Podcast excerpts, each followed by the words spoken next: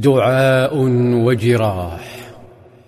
فكك الوثنيون معسكرهم وحملوا جرحاهم وتركوا أسراهم للمؤمنين وجثث قتلاهم للذئاب وبدأوا العودة إلى مكة. أما المؤمنون فلم يتزحزحوا ظلوا على أرض أحد في حالة ترقب ودفاع. حتى اطمأنوا لخلو الساحة. حينها نهض صلى الله عليه وسلم ونادى أصحابه ليختم بالدعاء كما بدأ. فقال استووا حتى أثني على ربي. نهض الصحابة المتعبون والنازفون حتى صاروا خلفه صفوفا. ونهضت النساء خلفهم. فقال صلى الله عليه وسلم اللهم لك الحمد كله لا قابض لما بسطت ولا باسط لما قبضت ولا هادي لمن أضللت ولا مضل لما هديت ولا معطي لما منعت ولا مانع لما أعطيت ولا مقرب لما باعدت ولا مباعد لما قربت. اللهم ابسط علينا من بركاتك ورحمتك وفضلك ورزقك. اللهم إني أسألك النعيم المقيم الذي لا يحول ولا يزول. اللهم إني أسألك النعيم يوم العيلة والأمن يوم الخوف. اللهم عائد بك من شر ما أعطيتنا. وشر ما منعتنا.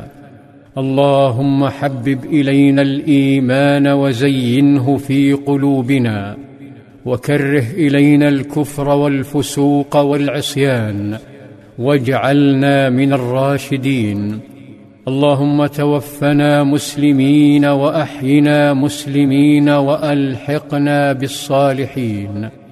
غير خزايا ولا مفتونين. اللهم قاتل الكفرة الذين يكذبون رسلك ويصدون عن سبيلك واجعل عليهم رجزك وعذابك إله الحق آمين. أمن الصحابة وفاضت العيون وسكنت الأنفس ثم بدأت لملمة الشتات ومداواة الجراح وتفقد الأحبة.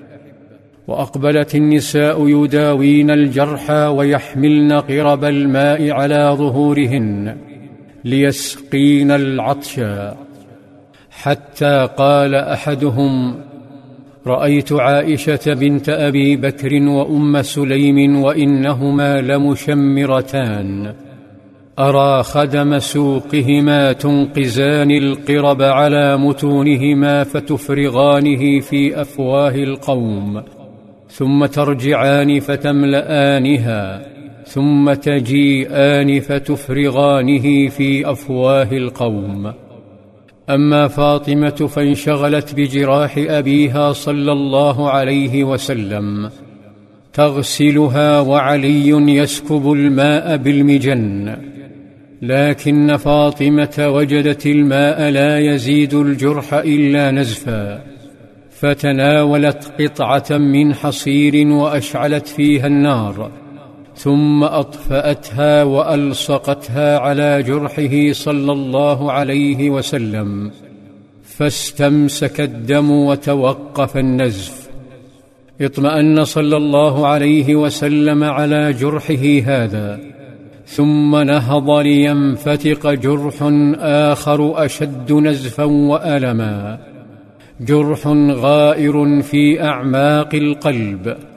حين نظر صلى الله عليه وسلم إلى أصحابه فسألهم سؤالا حزينا. من رأى مقتل حمزة؟ فقال رجل أنا رأيت مقتله. فقال صلى الله عليه وسلم فانطلق أرناه.